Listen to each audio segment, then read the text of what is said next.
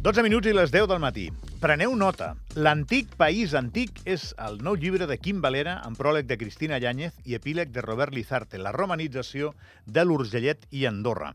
Quim Valera, bon dia. Molt bon dia, Gavi. Quim Valera, que és professor i ara mateix està malmetent l'educació dels seus alumnes per atendre la Ràdio Nacional. Molt bé, home, Sí, molt sí. bé, molt bé. Hem tingut que trobar un foradet per poder parlar, però sí, sí, ja l'he trobat. I ara estic aquí just al costat del Col·legi Janer, que és on, on ara enguany estic impartint docència d'Història Universal i Història Andorrana. I segur que els teus alumnes s'ho passen bomba, perquè a més ets un tio que s'explica molt bé. Al punt que has fet un llibre, l'antic país antic. Com... Explica'm una miqueta, Quim, com, com és això? La idea va sorgir... Jo vaig fer un màster sobre història antiga del Mediterrani i, i al treball final de màster vaig estar donant molts toms de, sobre què el faria. El podia haver fet de l'antic Egipte, o el podia haver fet de l'imperi romà, el podia haver fet de moltes coses. Però eh, ja, ja saps que a mi la terra em crida i vaig decidir fer-lo precisament d'un tema que està relativament molt poc estudiat, que és l'època de la romanització aquí a la nostra terra, Andorra i els seus contorns. Molt bé. I d'aquí, però, d'aquí, eh, clar, anem a el treball ser- final de màster em va quedar bastant, bastant bé, bastant bé, dic, carai, podria aprofitar aquest material, ampliar-lo, investigar i fer recerca una mica més, i finalment ha, ha sortit aquesta criatura. Bueno, ha sortit. Encara, encara no ha sortit, però està a punt de sortir aquesta criatura que, que jo em fa molta il·lusió, la veritat sigui dita. Això ho publica Anem Editors. Quan surt? Eh, els càlculs són que a finals de febrer. No, doncs ja està al caure, ja. Mm, Doncs sí, doncs sí. Ja t'ho dic, que tu mateix que m'anem editors també n'edites un de llibre, ja saps que aquestes criatures fan una especial il·lusió. Fan una especial il·lusió i tinc moltes ganes de, com a mínim, tindre'l físicament a la mà. ja queda poquet. Sí. A veure, anem a ser pedagògics perquè quan parles amb algú que, que té tota la informació que tu tens, eh, hi ha el risc de córrer massa. Què vol dir això de la romanització? Aviam, expliquem-ho bé, Quim. A veure, uh, la romanització és aquell, uh, aquell període de, de la història antiga. Ja sabeu que la història està dividida en períodes, que algun savi boig va batejar a finals del segle XIX, són noms arbitraris. I a la prehistòria, imagina't, dir-li prehistòria a l'etapa més llarga de la història de la humanitat. I el nom no m'agrada, però ho van imposar així. Després hi ha l'edat antiga, que és des de que apareix l'escriptura, Uh -huh. fins a l'edat mitja. Imagineu, el període sí és llarguíssim. Estem parlant des de Mesopotàmia eh, fins que cau l'imperi romà. Són milers d'anys, aquest període. Sí, I en, en els llibres els anem passant ràpid i sembla que...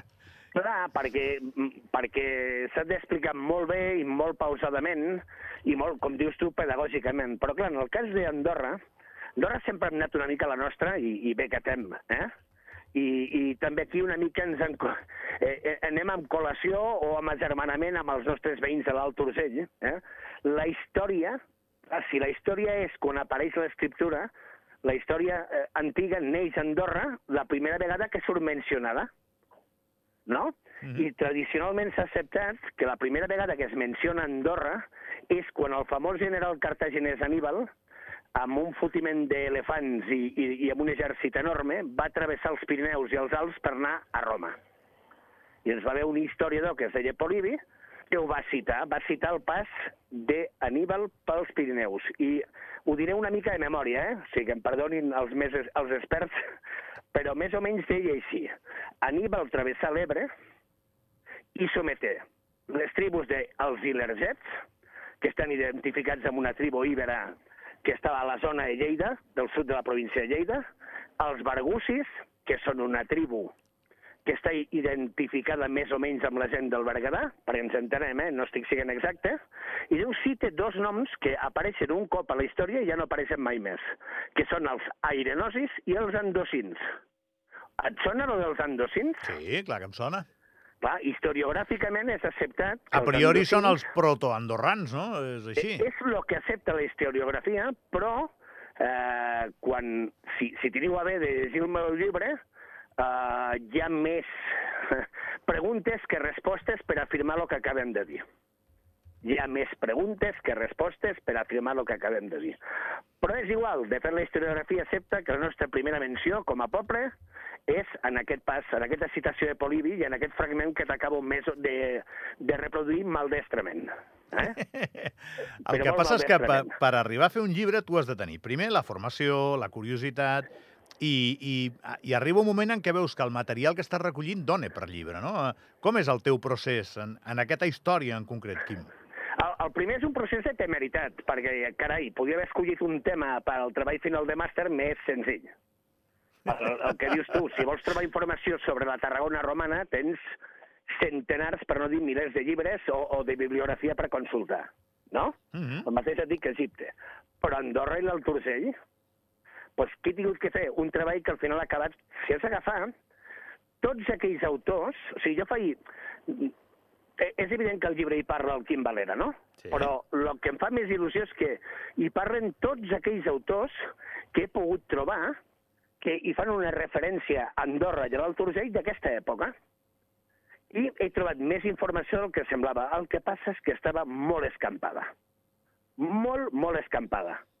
I he intentat unir-ho en aquest llibre, que pretén que sigui pues, un manual perquè algú tingui una referència d'aquest període històric tan important però alhora tan desconegut de la història del nostre país i de retruc dels nostres veïns urgellencs. I està molt bé que la consciència del llibre sigui la d'unir els dos territoris, saps? El títol, de fet... Que A vegades ens, un estem molt estirats amb això, editor. últimament, alguns.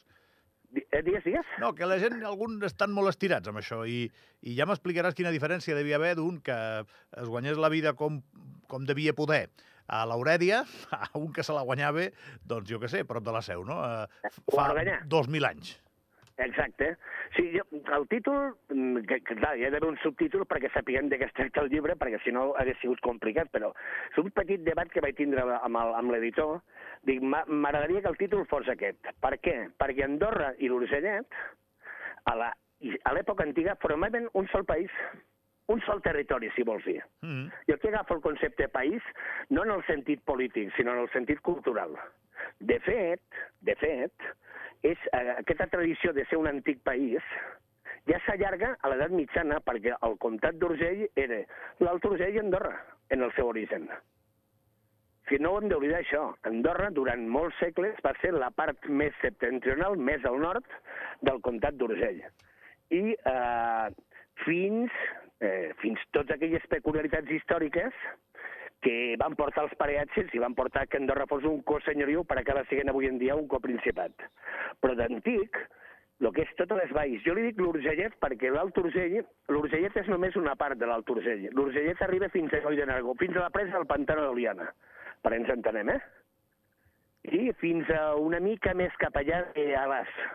Perquè això era tot aquest territori, que hi ha les valls de Cabó, les valls de Linyà, la vall de Castellbó, òbviament tota la ribera de la Seu, la vall de l'Avança, són, és, era com, de tota la vida se l'ha dit Urgellet, el que passa és que va haver uh, un moment en què van batejar-la com Alt Urgell des d'un despatx de Barcelona al primer terç del segle XX.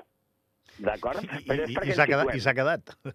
I s'ha quedat Alt Urgell. Que des dels despatxos es fan coses molt rares i, i amb això sóc molt crític, i més quan ets, prens decisions molt lluny dels territoris i de la gent d'aquells territoris. Bueno, per això està la gent com tu, per fer un llibre i que la gent sàpiga exactament eh, de manera més eh, rigorosa qui, quin és l'origen de tot plegat i així, doncs, amb els matisos eh, t'has de fer la versió bona. Eh, Aquí està. Quim, Mira, Quim, puc dir-te una cosa? Un matís molt ràpid. Digue'm. rigorosa. Sí. m'agradaria dir una cosa. digue-la. Uh, l'altre- fa uns dies, eh? bueno, fa uns mesos, amb, amb el Jordi Guillemet, eh, vam tindre una conversa d'això. Jo en aquest llibre sí que és un llibre eh, científic, empíric, com a ciència social. Té les seves notes a peu de pàgina, té un fotiment de bibliografia, té sis pàgines, per a aquella gent que sigui més avesada, però jo el que no he volgut renunciar és a ser divulgatiu. És a dir, que tot i que és un llibre, que és un manual d'història, un assaig que pretén ser un manual d'història, no he volgut renunciar de cap manera a que l'estil literari sigui divulgatiu, és a dir, que tothom qui tingui interès el pugui llegir i eh, seria el meu desig que el pugui també gaudir. Molt bé. Uh, jo, jo anava a fer un comentari que té molt poc valor rigorós, però que al mateix temps és cert. Aquest programa tenia la intenció ja en el llunyà, en el llunyà mes d'agost, quan estava confeccionant-se la graella, de fitxar Quim Valera com a col·laborador. I en una decepció de la que encara no m'he recuperat, i no, i no crec que ho faci mai, vaig rebre una negativa. Sí, però i, i, i, i em va saber molt greu, tu ho saps, perquè més crec No, no, que, no, crec, no, no que menteixis. farem un molt bon tàndem per divulgar aquests temes. No menteixis, no menteixis. Uh, però tu creus que podem... que tinc de profe, de, de professor, i a més que em dedico a altres tasques, no és l'única eh, que tinc, uh, és, que, és que ho fèiem materialment impossible. Que que sí, que impossible fai- com a poc enguany. Que eh? fai broma. Bueno, re recuperarem les negociacions, ja t'aviso. I t'enviaré un parell d'amics meus albanesos de dos metres per veure si acceptes aquesta vegada l'oferiment. Són molt amables. I no et precipitis, tot i que vinguin amb bats de béisbol, no faran res dolent, eh? Gran poble d'Albanès, eh? Per cert, si parles d'història antiga, són els famosos il·liris o liris que surten a la Ineida d'Homer, eh? Bueno, ja els explicaràs amb ells quan et vinguin a veure. eh, Aquests ja són guerrers des de fa milers i milers d'anys. Valera, me'n vaig. Gràcies i enhorabona pel llibre, company. Moltes ganes de tenir-lo a la mà. Moltíssimes gràcies per la difusió. Abraçada gran. Eh, Abraçada. Parem un momentet, el programa continua, vinga. Taking shortcuts is often a quick